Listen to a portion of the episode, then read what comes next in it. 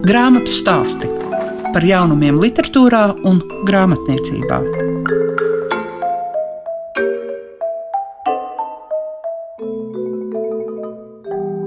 Aprīlis ir cieši, jo cieši saistīts ar Latvijas literatūras gada balvu un grāmatu stāsti tā skaitā. Un šodien mēs runāsim par dzēju. Jāatgādina, ka tiks pasniegtas 28. aprīlī Latvijas literatūras gada balvas, un prieks, ka tulkojuma nominācijā balvas tiks dalītas. Būs gan dzējai, tātad atzējai, un arī prozas tulkojumiem. Šodien pievērsīsimies dzējai, un tur 2023. gadā nominanti ir veseli pieci. Ronalds Briedis par dzējoļu krājuma nulles summa, Andra Manfelde par poēmu ar mammu, Gaitu Māris par traka lapsa pār ceļu, Ivars Steinbergs par jaunība un Artis Ostups variācijas par mēnesi tēmu. Pietiekami liela dažādība. Kopā ar jums Liega Piešiņa. Grāmatu stāsti programmā Klasika. Latvijas īsais saraksts, oriģināla dzēja, un to raksturot arī Latvijas kā žūrijas loceklim bija ļauts eh, Andrim Akmentiņam.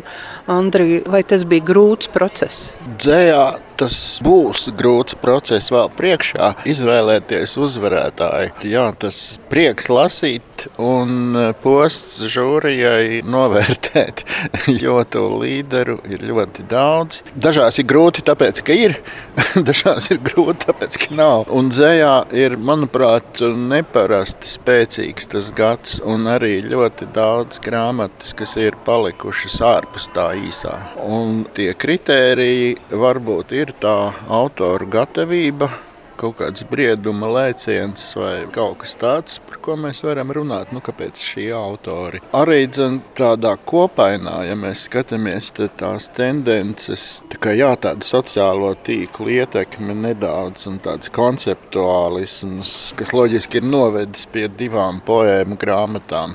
Es arī Steinberga jaunību uzskatu par tādu poēmas grāmatu, lai gan tur ir trīs atsevišķi darbi, bet nu jā, tās visas ir tādi lielāki dzējas darbi. Nu jā, ka dzēnieki Pētnieks nebūvē pieminiektu sev, bet veido kaut kādu sarunu, pieminiektu sarunai. Tad, nu, Tajā brīdī mums šie darbi vislabāk ir nobalsojušies, un es esmu arī samērā priecīgs. Un vēl kāds autors varbūt izpeldēs pēc gadiem laika ziņā telpā. Atkāpjoties, varbūt vēl kāds dzīvoja krājums tiešām paliks vēl arī no šī gada. Tagad vismaz vienam būs normālāks honorārs un mazliet lielāka publikas uzmanība, nekas jau vairāk nav ko skaust. Tev vajadzētu arī katru noraksturot. No minētā konceptuālisma laikam vis tālāk atrodas gaiķis ar trako lapsu, kurš ir tīrs meklētājs, bez kompromisiem, arī ar tādu drosmi kļūdīties. Var mazliet dakšam pārmest redaktoru trūkumu grāmatā, bet kaut kur šī nepareizība, negatīvība, toties skaidri uzturamais nervs, un tomēr, tomēr tika viņš tajā sarakstā, un tātad pieci darbi, nevis parasti četri. Tas arī liecina mazliet par žūriju atzīst to neviendabību un dažādību. Divus dzējas darbus es klasificēju pie estētiem. Tātad Ronalds Briedis, nulles summa un uh, Artis Ostups variācijas par mēnesi tēmu. Un viņi arī ir tādi. Pirmām kārtām dzēnieki viņus novērtē, protams, tur ir smalkumi. Briedis ir tādā ziņā lasītājam pateicīgāks. Viņš mēdz izkāpt arī ar savu ironiju ļoti tuvu pie vienkāršā cilvēka. Ostups vairāk tādā starptautiskajā tēlēnībā atrodas un medī dažādas dzīvniekus pa pasauli kopā. To ir grūti varbūt no malas novērtēt. Nu, un tad lielie divi poēmu darbi, kas jau ir tātad eh, Ivars Steinberga jaunība un Andras Manfeldas poēma par mammu. Vienādi arī ļoti atšķirīgi darbi. Tātad šis autora mēģinājums uzrakstīt lielāku darbu, uzdot lielāku uzdevumu savai poētikai. Un ne tikai krāt pantiņus pa īpašiem dvēseles stāvokļiem, bet uzkrāt lielāku dzējoli. Tas vispār visiem ir līdz ar šo konceptuālismu pieaugumu. Un Andra dodas ģimenes attiecībās un it kā ierastā tēmā, bet manuprāt šis darbs izceļās Andras darbu straumē tieši ar to spilgto tēlainību un ar diezgan liela, plaša paudžu lokus. Es domāju, tās attiecības ar mammu tur izlasīs. Un tas pārauga noteikti to autoru bērnības atmiņu līmeni. Nedaudz pārtrauksim dzinieka un Latvijas eksperta Andra Akmentiņa sacīto un ļausim dažus vārdus teikt arī Andrai Manfeldei. Jaunībā slēpjas visas atslēgas. Ja kaut kas dzīvē nav sanācis, tad ir jāpamēģina paskatīties, kurā mirklī tas gājis nepareizi. Tā ir tā, drīzāk tāda diezgan skaista glezna, tāda ātra. Es vairāk rakstīju nevis tāpēc, ka gribēju jums kaut ko milzīgu vēstīt, bet man liekas, tas ir skaisti. Man bija svarīgi uzgleznot viņa portretu ar vārdiem. Es uzrakstu, un tas ir tā, sakārtojās dzīve, kad ir tāds sajūta, ka mēs visi tomēr kaut kur virzamies līdzīgā ceļā. Mums ir līdzīgs pieturpunkts. Jā, man gribējās rakstīt tā ļoti brīvi, pat uzdrīkstēties, kaut kur varbūt pat uh, eksperimentēt. Nezinu. Es gribēju visu laiku rakstīt tā, lai man pašai interesanti. Un ir? Man jā, es, es ceru, ka atradīsies vēl kāds domu biedrs, kam arī patiks rakstītājs. Katrs... Nē, nē, tas bija tāds nu, provokatīvs jautājums. jo katrs darbs jau tāds, tu nevari uzrakstīt vēl vienreiz to, ko tu jau esi paveicis. Katrs darbs ir iet nezināmajā un meklēt jaunus veidus. Grāmatu stāsti tiem, kam grāmatu lasīšana ir vērtība. Tikko dzirdējām Andru Manfeldi, viņas poēma ar mammu ir nominēta Laligabai, bet turpinājumā vārds Andrim Akmentiņam. Līdzīgi ir ar Riveru, tikai viņš ir, protams, eksperimentālāks, tiešāks. Tur atkal ir tas ļaunības, neirožu, detalizācijas, trakuma klātbūtne. Un tāda sajūta, ka mēs esam vienos koncertos un ballēs piedalījušies, lai gan starp mūsu jaunībām ir gadi 20. nu, jā, un te mēs nonākam pie atkal tādas kopējas īpašības, ka tie labākie darbi, viņi tā kā met tomēr tos tiltiņus uz paudzēm uz iepriekšējo paudžu autoriem, uz tādu sarunu ar kaut ko plašāku nekā tikai autori savā vidē. Protams, jā, nu, ļoti skaisti, kā es saku, ka žūrija tiek uh, no valsts pabalstīta, lai lasītu grāmatas. Vai tev ir kāda no citām, ko tu vari tā izcelt, kas tev sagādāja lielāko pārsteigumu? Man uh, laikam patiešām lielākā mīla bija ar Kajaka ezeru Tātad Tur ir tā, ka lasot, cilvēks trāpās tādā ritmā, un es jau biju iegājis tādā ritmā, lasīt divas, trīs grāmatas dienā, ņemt vienu smagāku, un tad kaut ko vieglāku, un turēt to daudzumu, lai iekļautos. Un te pēkšņi, kā jau ezers dācis mējeras tulkojumā, lieliskajā, un bācis četras dienas, un es esmu laukā no visiem, bet es nevaru atrauties un man gribas saprast, un man gribas izgaršot, un tas neiet viegli uz priekšu, tas darbs. Un te mēs blakus nonākam, ka, protams, lasītājiem Latvijā ir citi novērtējumi, un viņiem viens no kritērijiem, kas man pašdrausmīgi kaitina, nu tas viegli lasījās. Nu, laikam es meklēju kaut ko drusku citu, man gribas, lai drusku grūtāk lasās, bet tas ir darbs, kas man tiešām apbūra un iepriecināja, un tāds lielais pārsteigums. Visa tā sērija ievēroja, tad trīs Baltijas asamblējas darbi ir īsajā sarakstā tulkotājos. Jo tā kā tas projekts eh, pēc 20. gadsimta prozas, tad eh, šis projekts, man liekas, ir tāds, eh, kas nu izcelsies un paliks. Vērtīga lieta, ka mēs beidzot sākam dzīvot tā kā trīs Baltijas valsts, nu, sasaukties mazliet. Grāmatu stāsti programmā Klasika grāmatu stāstu ciemiņš ir Ivers Steinbergs. Tagad ir otrā grāmata ar nosaukumu Jaunība. Šī grāmata ir gada balvas nominantu skaitā. Orģināli dzējā. Vai tas ir tāds zināms lepnums, vai tagad jau uztvers kā likumsakarību, ka grāmata, iznākot, nokļūst arī Latvijas redzeslokā.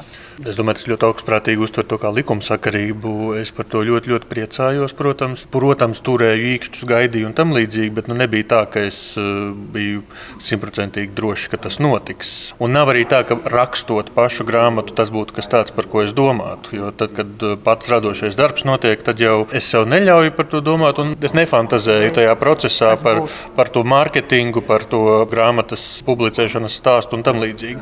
Tā ir daļa no darba, no tās profesijas, manuprāt. Bet es par to sāku domāt jau pēc tam, kad manuskripts ir pabeigts. Jo līdz manuskripta pabeigšanai prioritāte ir tā paša radošā akta izkopšana. Man liekas, ka šis ir tas gadījums, kad gan grāmatas noformējums, kas no vienas puses vedina uz veciem laikiem, ironizē par dzīvi, un arī šajos tekstos nu, ar skaidrojumu par to, ka tās poēmas un vēl, ka te ir tāds meklēts jauns skats uz jaunību. Grāmatas noformējumu apzināti mēs veidojām, protams, tā, lai viņš saspēlējas ar saturu, bet tieši noformējumā es gribēju izcelt liela ego tēmu un apspēlēt to, nu, cik liels ir cilvēkam pašvērtējums bieži vien ir tieši jaunībā, bet to pavērst tādā leņķī, ka mēs stilizējam klasiķu izdevumus, nu, kaut kādu lielu, slavenu, 19. gadsimta, 20. gadsimta sākuma lielu autoru kopoto rakstu estētiku, bet mēs viņu mazliet apspēlējam, mazliet rotaļīgi tajā noformējumā, par viņu arī pasmīkņājam. Tā doma ir, ka tas saspēlējas ar tiem pašiem tekstiem, kuros arī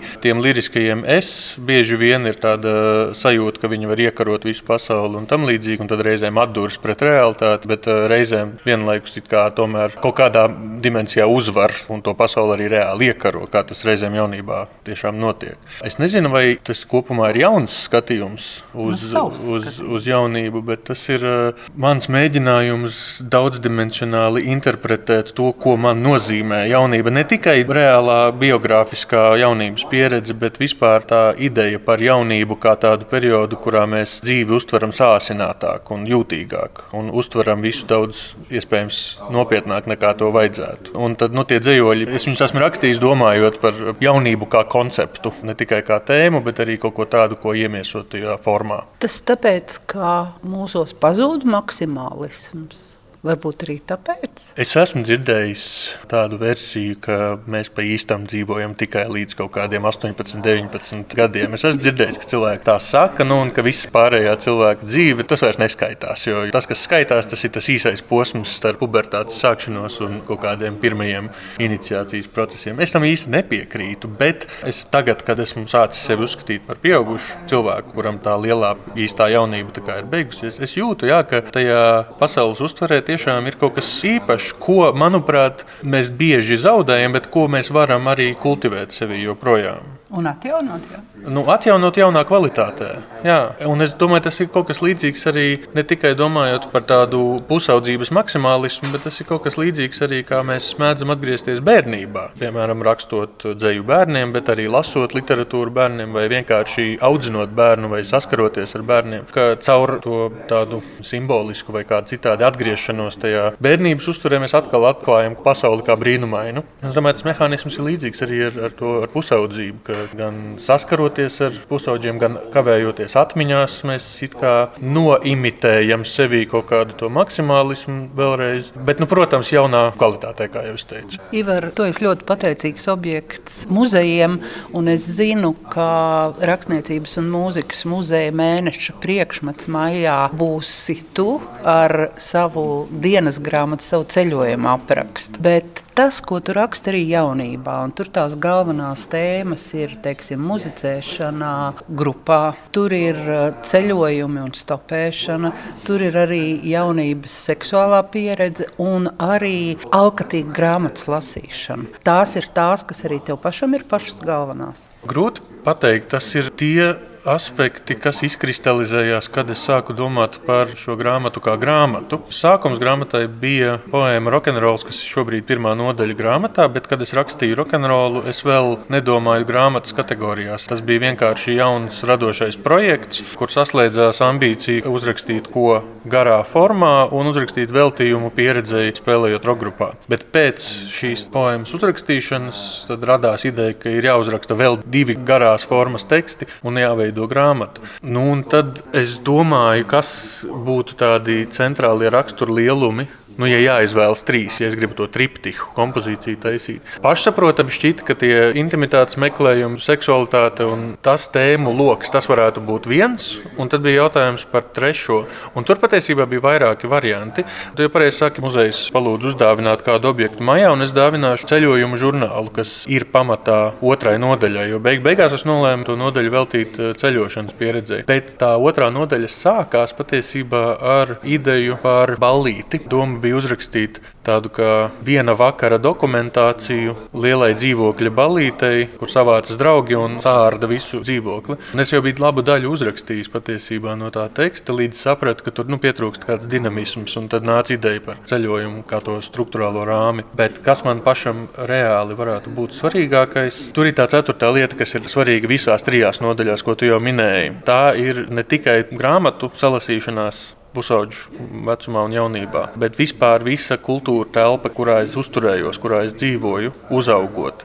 Visas filmas, mūzika, teātris un, un cilvēki, viss kultūras saturs, mākslas saturs. Tas jau patiesais iemesls, kāpēc es šo grāmatu rakstīju. Pārspīlējums kā izteiksmes veids. Man liekas, ka tā šo jaunību var raksturot. Jā, tas bija daļēji apzināts konceptuāls pieejams tam, kā es daļu no grāmatas rakstīju. Es saku daļēji, tāpēc, ka es to sāku apzināties tikai jau būdams pusi grāmatas uzrakstījis. Tas kaut kā vienkārši sanāca man tā dabiski, ka rakstot tos tekstus, kaut kā viņi vienkārši nāca ārā ar zināmu patosu, bet ar uzmanību pret to, lai tas patos nekļūtu viendimensionāls. Tad, kad es sapratu, ka tas notiek, un kad es sāku ar to apzināti strādāt, es sapratu, ka tas ir patiesībā ļoti liels izaicinājums. Jo laikmatīgajā dzīvē, manuprāt, ļoti grūti ietvert patosu tā, lai tas neskanētu sekli, vai neskanētu naivi vai banāli. Un tas ir izaicinājums. Un tad, kad es sapratu, ka tas ir kaut kas tāds, ko es daru, kas man sanāk, tad bija intensīvi jādomā pie tā, lai to patosu, to pārspīlējumu, to sakāpinātību atjauktu ar kaut ko tādu, kas sabalansē vai nosit to risku, ka viņš nolasās kaut kā pašmērķīgi vai akli, vai nu, kaut kā ne tā, kā es gribētu. Un viens veids, kā es mēģināju to risināt, ir vienmēr turēt prātā, ka tie šie teksti nav tikai par to, kas tur ir rakstīts virsējā kārtā. Kā jau es teicu, ir par to kultūru, par to literatūru un tam līdzīgi. Un tas praktiski izpaužas tā, ka es tur ik pa brīdim kaut ko nocitēju, uz kaut ko atsaucos un apzināti saslēdzu tādā tīklojumā ar citiem tekstiem, ar citiem cilvēkiem un, un tam līdzīgi. Vismaz tas ir tas, kā es mēģināju to risināt. Un pēc tam pateicībās, kā saka, norādīt uz autoriem. Pateicībās, jā, tas ir tāds kā šifrs, kur ir minēti tie autori vai tās reālijas, kas ir burtiski citētas.